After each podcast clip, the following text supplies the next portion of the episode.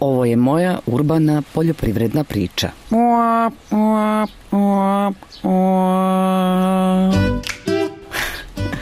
Ja sam Lila Omregić-Čatić i na mene se nemojte ugledati ako želite da se bavite urbanom poljoprivredom ili vrtlarstvom.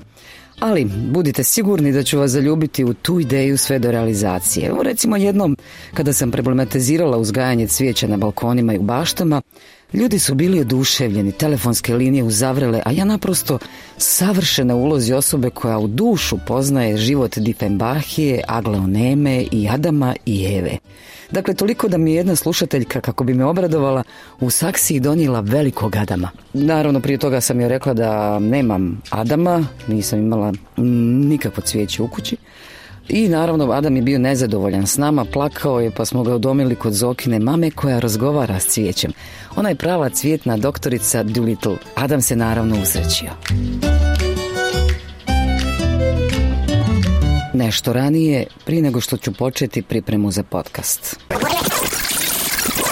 Razmišljam o temi kojom želim da se bavim. Ima ih bezbroj. Lete mislima, sudaraju se.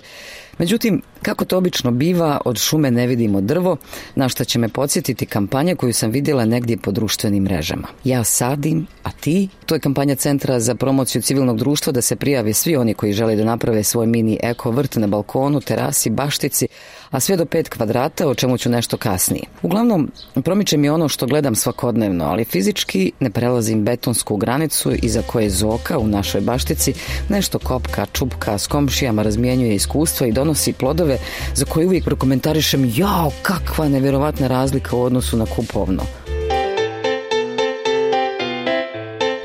On je Zoran Ćatić, onaj koji mi je jednom prilikom pokazao katastarski list na kojem je pisalo da ima njivu od nekih manje od stotinja kvadrata i ja se udam. Na njega se ugledajte ako želite da se bavite urbanom poljoprivredom. Kuc, kuc. Evo mene. Vidi, ja sam odlučila da napravim podcast o urbanoj poljoprivredi. Baš mi je drago što se odlučila preći betonski prag pa da, evo, da te upoznam sa ostatkom ove bašte. Ovo su vidiš šumske jagode tu koje imaš u svojoj bašti. Ovo je džulbe šećerka od koje pravimo sok. Onda imaš ovdje lavandu koja ti mirše po kući kad je uberem. Ovo je ovdje naš limun. Oh, limun imamo. Imamo. Ovo je odiljak ovdje mali sa ovim a, začinskim biljem. E ovo vidiš okolo je cherry paradise.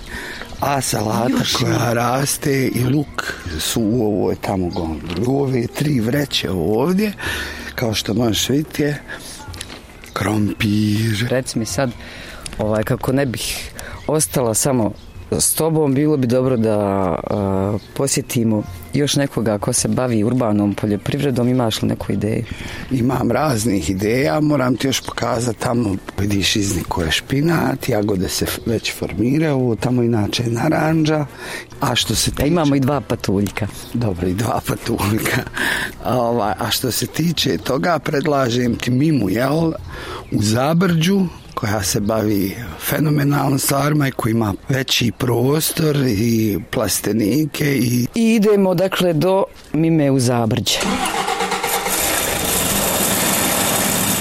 Nabrojao je Zoka mnogo više nego što ste čuli, ali šta ćete, 21. vijek, brzo sadi, brzo rasti, brzo permakulturiraj, nema se vremena. A sada je vrijeme pokazat će se da medijsko poljoprivredno gazdinstvo u službi motivacijskog podcasta ide u posjetu muzičko-poljoprivrednom gazdinstvu Jakubović. Volio bi Ferrarija kupiti na rate Da u bašti osvanjeni bušotina nafte I on nešto priča, nešto no dig fanž i kao ima taj neki, evo sad ću Krastavit, kazati taj engleski, to nešto, da. i, fe, i ovo objasni.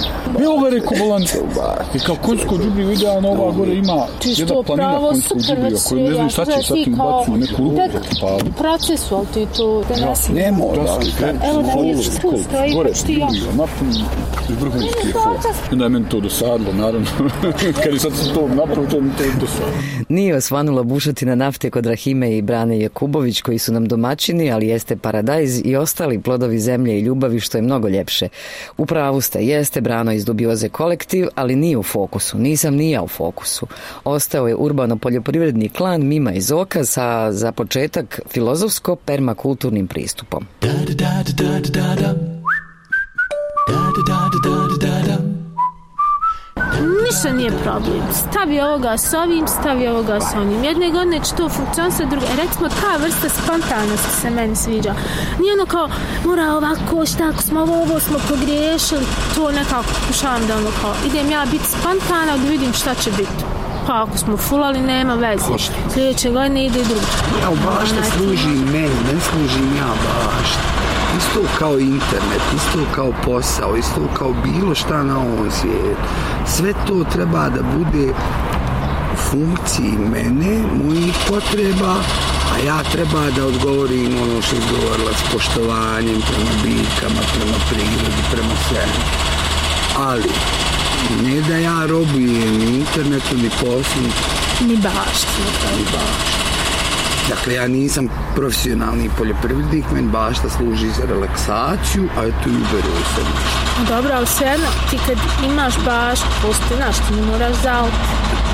Ti ne moraš, biljkama, mo- mislim, moraš i ne moraš, ali je dobro dodati im nečega. Mislim, napraviti neku vrstu razmjene, ti ćeš njima dati ono što njima treba, oni će te zato nagraditi. Samo da kažem slušateljima, ja sam ovde višak. Ne znam čak ni pitanje da postavim. Dobro, ti ćeš ući u svoju baštu kad dođeš kući, pa će ti onda sve biti jasno. Mene, ja ću tebi dati ove kao kamilicu i ostalu u raju i daću ti par ono uputa tamo gdje sam videla ono gdje, gdje kod Zoke može još malo da se zašarimo. Znači, ja uživam u procesu. Ja kad radim film, meni je super proces dok ti ideš, tražiš, istražuješ, dogovaraš, prego... Kad završiš film, kad ono nešto festival, do... meni je taj dio potpuno interesantan. E tako mi je iz bašte, znaš, kao divno ovo, sad sam ja izmislio, dići ću, napravit ću od paleta sebi, pa ti to nešto sadiš, kopavaš, zaljevaš, ali nije funkcija da dođe neko i će, wow, kako ti imaš toliko uroda, koliko si ba, nabrao paradajza. Recimo, jel tebi, jel tebi super kad radiš u bašti, ti si posio i ti pratiš, vidiš plod svog rada. Znači, ti pokosiš, središ i ti to vidiš, to je ti uživaš u tome, nije ono kao sutra je već puno veša i puno suđa i puno svega i ti si opet u istom, ono, sizifovom nekom. Mislim, meni je to ono, Bacili smo, neki dan smo sad paradajz u plasteniku. Znači, mi smo ono, ti sad njega gledaš, je li cvjetić, nije cvjetić, ima li bubamarica, je li došla pčelica, otvori širom, je li nešto niklo, jes, imamo, sve nekako, ti, ti si cijeli dan angažovan na način da ti pratiš to i da si pravo sretan kad se pojavi jedan cvjetić. Nekako te neko nagra, kao ono, isto kao te neko potapšao po ramenu, kao dobio si potvrdu za ono što si uradio. Recimo, meni je to Rodilo se. sve rodilo se. E, a, ali je prednost kad imaš uz kuću bilo koliko bašti ili balkona. Recimo ja i na balkonu sadim ono, ozelenjavam balkon, uvijek sam gotovo što ću ja sad s ovim balkonom, neko cvijeće, nešto, nisam ja od nekog cvijeća, ali sam zato prošle godine posadila paradajza, papričica, malo nekog cvijeća i to je bio prekrasni balkon u kojem sediš i uživaš, piješ kafu i pravo ti je lijepo. I usput navečer ti je kao mrsko u baštu, pa onda kao nabereš sebi salatu u dva ujutro, kao da malo zameziš s balkonom. Tako da ono, nije uopšte bitno je li dulum ili je četiri Ja. kvadrata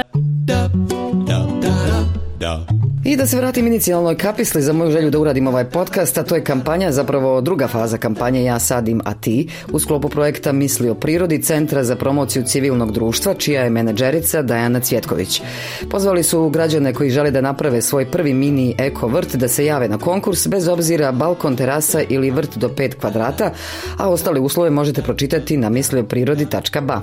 smo počeli sa ovom kampanjom prošle godine u martu, to je nekako bio odgovor na COVID pandemiju pandemiju kad smo svi bili potpuno sluđeni i nismo znali šta da radimo, posebno mi koji smo bili zatvoreni u stanovima koji su najčešće i mali i nekako stvorili su dodatnu anksioznost među ljudima, shvatili smo da nam je balkon zapravo jedino mjesto gdje možemo izaći, da treba da ga uredimo u jedan funkcionalan prostor koji je ujedno i lijep i daje neku lijepu podršku za život. Onda smo odlučili jel, da promovišemo ovaj urbano vrtlarstvo, ali onda smo se počeli javljati oni koji ne žive u stanovima nego u kućama, ali nemaju bašte, pa smo donijeli odluku znači, da se mogu prijaviti oni koji imaju balkone i oni koji imaju baštu površine maksimalno 5 metara kvadratni. Jer mi zapravo ne govorimo o masovnoj proizvodnji ovdje. Nekako mi djeluje kao spoj aktivnosti za spas mentalnog zdravlja i prirode, jel? Neki ekopsihološki projekat. E, upravo tako, ovo je bio odgovor na e, mentalne posljedice pandemije, a onda se izrodilo u nešto više, moram priznati da je bilo potpuno neočekivano, ali uz dobre partnere zaista je sve moguće. Naš partner je Eco Hub Mostar, odnosno organizacija nešto više. E, oni su u Americi završili fakultete koji se tiču permakulturnog dizajna i to je zapravo suživot sa prirodom, potpuno jedan novi koncept koji nam pokazuje kako uzgajati funkcionalan vrt koji je uvijek i zelen i uvijek ima nešto što daje e, kao plod.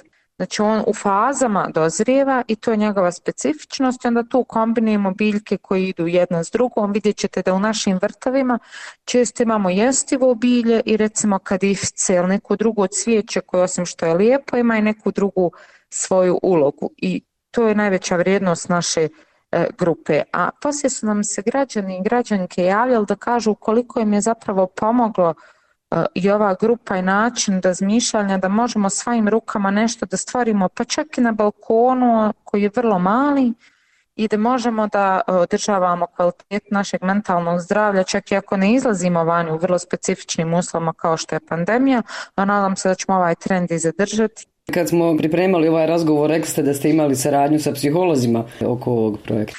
I psiholozi su nam objasnili koliko je važno da svaki pojedinac i pojedinka u vrijeme krize ima dodir sa prirodom, da ima dodir sa zemljom. Zemlja nam je jako važna, u njoj imaju određene bakterije koje kad dolazi u kontakt sa našom kožom, pospješuju lučenje hormona koji su nam neophodni, kao što je hormon sreće i tako dalje.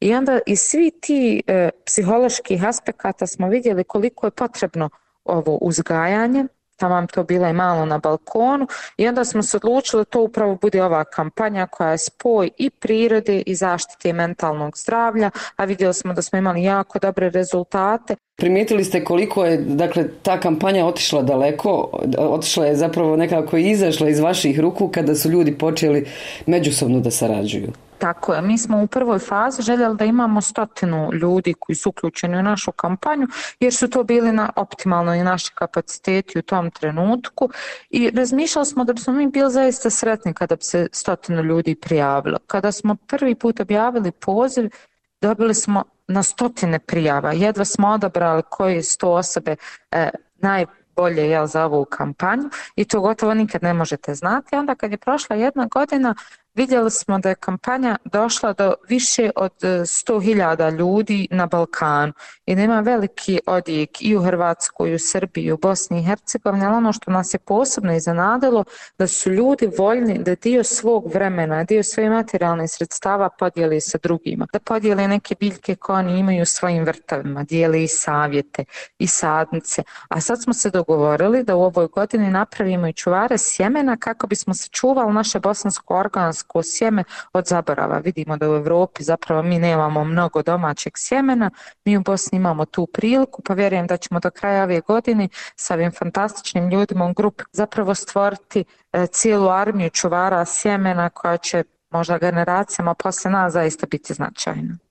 Ovo je zaista velika stvar. Pa ja ću biti slobodna da vas obavijestim ako budemo imali neke e, i druge aktivnosti koje možda mogle slično uraditi vezane za ovu kampanju, jer vjerujem da ćemo kad budemo pravili već čuvare sjemena, to većina zemalja u svijetu to ima, Bosna naravno nema jer se niko nije mogao dogovoriti, pa smo mi ko na vladne organizacije se dogovorile, mi ćemo uzeti, pa ako se neka država sjeti, mi ćemo im rado prepustiti to što skupimo do tad. Ako se sjeti, sjeti.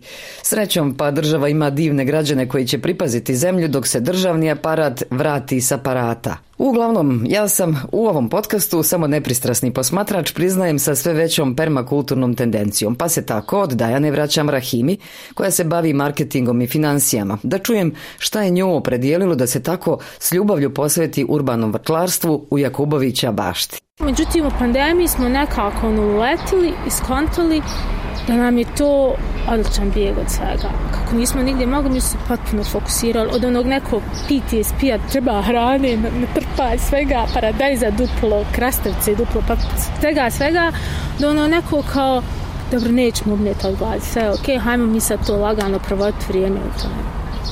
I onda uh, sam ja nekako, pošto cijeli život tražim sebi neki hobi, i samo sam u jednom momentu shvatila da je meni to mera I ove godine sam ja nekako skontala meni je ovdje lijepo. Ja imam baštu, imam svoj svijet, imam sve imam. I vjerojatno sam i sazrela među vremena, recimo meni je prije bilo kao, oh, mi živimo ovdje, tamo negdje sve se dešava, vozaj djecu, tamo ovo. I onda smo krenuli polako da ono, povezujemo se sa ovim. Ja sam našla novu grupu, ja sadim na ti, uh, i se kao, mogu li ja s vama to, ja nisam početnik, ali mogu, on, mogu gledati šta vi to radite. I onda s njima komunikacija, neka ja sam shvatila da postoji super jedan svijet ljudi koji se bave tim urbanim ono, vrtlarstvom i koji su tako super jedni prema drugim, svako svakome daje savjet, šta ti treba, u svakom, pravo te brzo prihvati i ne imaš problem da bilo šta pitaš, on tebi pita, šta ti treba, poslaću ti, evo tebi, evo, i onda nekako uđeš u tu neku zajednicu novih ljudi, meni je trebalo novih ljudi, koji imaju kao sad isti intervju, on su mene nekako uvutili. Ja sam u svem tome iskontala da su mi paradajzi strast i da kao ono, što više vrsta, cijeli neki svijet paradajza. Trenutno imamo 19 vrsta, sad sam i u grupi nekih paradajz raje. Uglavnom... Dobro, je li to pokazatelj da ono, je, je, je taj spoj prirode i čovjeka, odnosno spoj zemlje, što osjećaš ti u principu? Ono, to isto, to je ono što to sam... pokazuje ovako, koliko čovjek može biti zdraviji.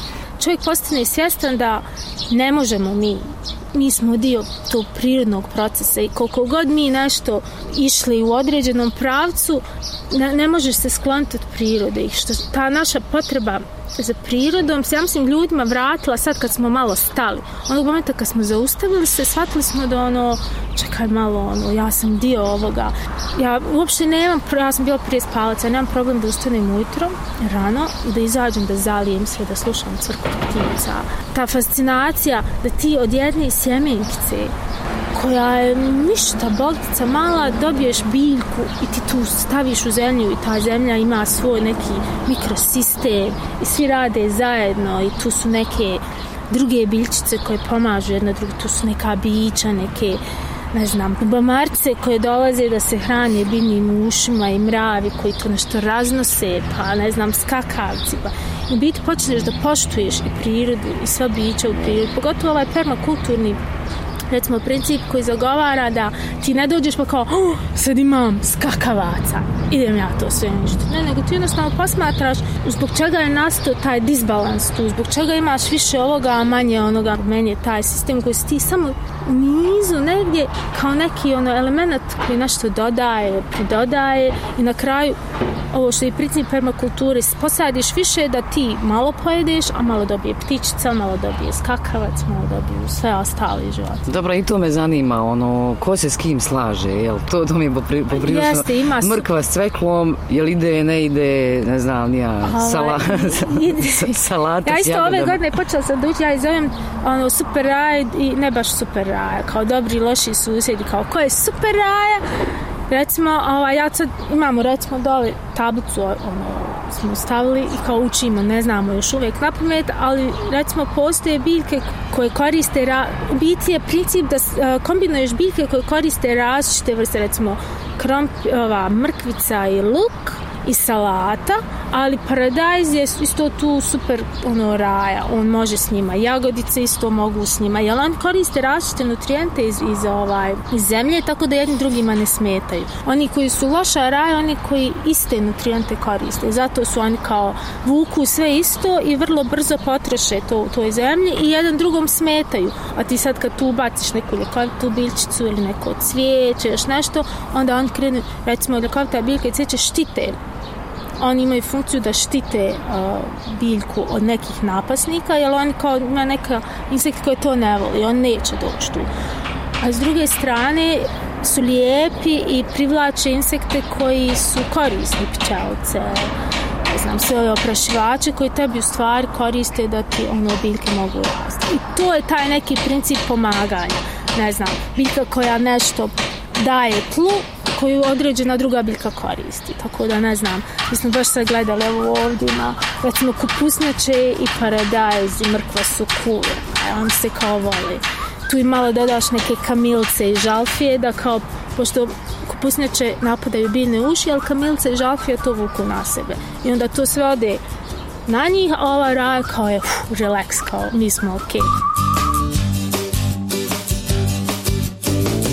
Hvala Mimi, ona je već uveliko dio ovog skladnog života čovjeka i prirode gdje je uzajamno davanje i primanje, ali moja prijateljica Helena Mandić ima problem da ostvari komunikaciju sa biljem. Čula je za kampanju Ja sadim, a ti i pita se da li mogu pomoći sa nekom vrstom demagnetizacije. Od Dajane Cvjetković iz CPCD-a dobit će i odgovor ovo što si mi rekla o tom projektu me stvarno zainteresovalo. Ja volim to nešto bilje, cvijeće, sve mi je to divno, međutim u mojoj blizini to sve umre u roku od, odmah. I ja sam zato, zato mi je prvo pitanje bilo kad sam rekla za taj projekat, prvo pitanje mi je bilo da li ne rade neke demagnetizacije, uklanjanje nekih, otvaranje čakri, ja stvarno ne znam. Jer zaista, imala sam neku divnu onaj biljku sam dobila jednom od prijateljica na poslu kao poklon na naselje za novu kancelariju. Ja sam njima odmah rekla da je to bačen novac. Mislim, hvala vam divno, ali bačen novac. I ova kolegica koja se stvarno bavi biljkama i ona sa njima nešto šapuće, pjeva i mazi i pazi i ona je rekla ja ću se brinuti o njoj. U roku dvije sedmice je biljka umrla jer je valjda bila u mojoj blizini. Tako da stvarno javću se CPCD-u i pitati ima li za nas ove izgubljene slučajeve neke nade. Možda ima nešto, nekog spasa ima. ja vjerujem da hoće jer sam ja bila ta uh, ubiteljica biljaka, ali evo sad živi. Tako da mislim da će to biti okay, Nek se Helena prijavi. Međutim, ima ljudi u gradovima koji žele da uživaju u plodovima zemlje, da se bave urbanom poljoprivredom, ali nemaju ni balkon, ni terasu, ni baštu. A država ima dovoljno neiskorištenog poljoprivrednog zemljišta i uz malo dobre volje organizacije može se staviti na raspolaganje građanima. Pa sam ja ilustracije radi porazgovarala sa nadležnima iz Sarajevskih opština Centar i Novi grad. Prvo Haris Sjerić, pomoćnik načelnika za privredu i lokalno-ekonomski razvoj u opštini Centar. Upravo radimo jedan projekat kojim uh, želimo u stvari da objedinimo kompletnu imovinu opštini centar u jedan registar i tačno da znamo koja su to zemljišta i na koji način možemo raspolagati njima. Očekujem da je to do kraja ove godine. Ono što je game changer za narednu godinu sigurno je toku izrada nove strategije koja mora biti usklađena sa ovim periodom e, e programa Evropske unije 2021-2027 i tada očekujem dakle e, malo veći broj i ovih kreativnih projekata iz ove oblasti, a i nekih ovih redovnih koji smo predvidjeli kroz akciju akcijne planove. Dobro, ne mora to da bude ni poljoprivredna površina dok ne riješite te probleme. Da li imate namjeru na neki način podsticati građane da se u nekakvom urbanom okruženju bave ovaj, vrtlarstvom na balkonima, u svojim baštama, e, zgrade koje imaju e, terase na vrhu? E, da, imamo, dakle, dva projekta su tu onako odskaču od drugih i nama su onako poprilično bitna refundacija troškova za balkonsku biljnu proizvodnju. Faktički mi već pilot za tako nešto provodimo. E, sada treba da bude objavljen javni poziv koji će biti refundacija e, dakle, troškova za biljnu proizvodnju, a sljedeće godine tu širimo i na balkonsku biljnu proizvodnju. A drugi projekat su botaničke bašte. Imamo već jedan pilot projekat koji e, pokušavamo da, da implementiramo na e, krovu druge gimnazije, a tako nešto po- e, ćemo svakako u, u narednom periodu već, već radimo razredu neke tehničke dokumentacije E, za par još ško, osnovnih škola i dakle svakako širenje na, na zgrade sa ravnim krovovima gdje taj interes bude postojao. Prošlu godinu smo proveli jedan koji se zvao Hobi plastenik gdje je podijeljeno 560 malih hobi plastenika onako kogod ima neku iole prostora da postavi se plastenik e, tih manjih gabarita onaj isti je bio dodijeljen. A iz centra se selim do opštine Novi Grad i razgovaram sa rukovodiocem podružnice poljoprivrede u preduzeću Lokom te opštine Adnanom Šabanovićem. 2017. godine opština Novi Grad zajedno sa javnim preduzećem Lokom i njemačkom nevladnom organizacijom GOPom pokrenula je jedan projekat urbane poljoprivrede na, na Brdu Mojmilo i evo i dan danas egzistira samo što se s vremena na vrijeme iz godine u godinu sve više i više proširivao. Poljoprivredno zemljište tokom prošle godine i vremena pandemije e, koje se nalazi na lokaciji u državnom vlasništvu na lokaciji općine Novog grada općina je ovaj uspješno pripremila pripremila znači zemljište pripremila semenski i sadni materijal i javnim pozivom to ovaj ustupila e, prijavljenom stanovništvu koje koji su konkursali i koji su se prijavili na javni poziv. Koliko Tako građana, da, jel imate podatak koliko građana koriste? E, preko, e, o, ove godine negdje preko ovaj 200 građana koriste upravo te pogodnosti koje je pripremila općina Novi Grad. Plastenička proizvodnja koja se bazira na organskim principima proizvodnje i zasnovana je na ukupnoj površini blizu ovaj e, dva dunuma plasteničke proizvodnje. U sklopu Park šume Mojmilo na jednom podnožju e, tog parka formiran je taj poljoprivredno-edukativni poligon gdje se i naše stanovništvo općine Novi Grad ovaj može putem ovaj općine e, edukovati o različitim poljoprivrednim djelatnostima koje se obavljaju u sklopu ovaj samog projekta urbane urbane poljoprivrede. Šta su vaše procjene? Hoće li biti sve više ljudi koji će se prijavljivati na ovakve projekte? Pa evo, e, sama pandemija ovaj, koronavirusa je i pobudilo jedan ovaj vid e, većeg interesovanja naših stanovnika da se bavije poljoprivredom. Tako da se nadam da će se taj trend i dalje nastaviti. Nadam se da neće, ovaj, da će pandemija stati, ali da će se nastaviti trend jeli, sadnje ovaj, poljoprivrednih kultura, jer je jako bitno da su ljudi svjesni da ono što oni urade, pripreme i zasade i na kraju uberu taj plod i ovaj, pojedu, da znaju upravo šta, šta je i na koji način taj plod ovaj, dospio i koliko je njegova ovaj, vrijednost. Čim progledam ujutro, gutam informacije, novine, portali, dnevna doza sekiracije. Recimo ono što je meni pravo, ja, ja ne gledam vijesti, ono to sam to imam te on and off, ali u zadnje vrijeme sve više i više, ne mogu da učestvujem u ovom ludu. I jedini portal koji ja pratim je Agroklub imam na Facebooku imam neke grupe i portal je Agroklub. Ja skiram zato što je sezona malo pada kiša, mraz je ispod 10 stepeni, neće paradajz u zemlju, neće moći izvući fosfor. To su moji problemi, ja ne mogu da učestvujem u stvarima koje ono u mudu. A non-paper? Ja ga nikad vidio nisam. znači, ja to uopšte nisam upratila, uopšte ne znam o čemu se. Don paper ima neku funkciju zato što, što recimo ja sad kad mene da kamilcu, imam namjeru da e, neke teritorijalne stvari prekombinujem u bašti za dobrobit svi u Apsolutno. A ne da nekog zakine. Tako. Znači taj kao dobronamjerni non Jer kamilca, ona obogaćuje zemlju, ona zapravo radi I, o, jeste, i on, ona se žrtvuje u stvari. Znači ona je kao ono, evo mene, ja ću vam čuvati ovu raj koja nije baš ono dobro došla za neke vaše biljkice, a ova druga raja nek vam još dodatno pomogne. A ostavimo i divlju divlje cvijeće, sve, sve ostalo. Sve, samoniklo. Ne, no, znaš, ima, ali to se zove samoniklo bilje. Pa znam, ali... Znači, više nije divlja pa trava, nego je samoniklo bilje. Znači, stvari percepcije. Meni je najdraži ono kad govorimo o tom samoniklom bilju, da se odmah ispravim, budem bi, biljno senzitivna. E, to da, molim te, moraš biti. Jesno, Najdraže mi ono koji izgleda ako stari gramofoni, znaš.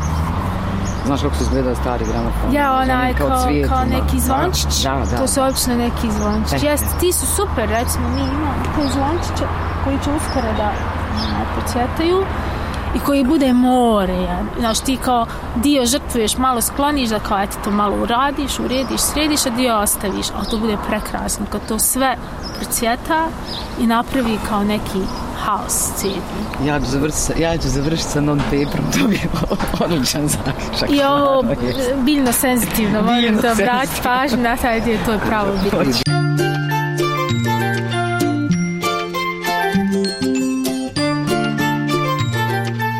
Permakulturni non-paper je princip uzajamnog pomaganja, konstruktivnosti i pravilno planiranje života i suživota različitih kultura bez obzira na karakter i granice. Bio je to ZIP, Zaviri ispod površine, podcast Radija Slobodna Evropa, a ja sam Lila Omeragić-Ćatić i permakulturno vas pozdravljam do narednog ZIPa.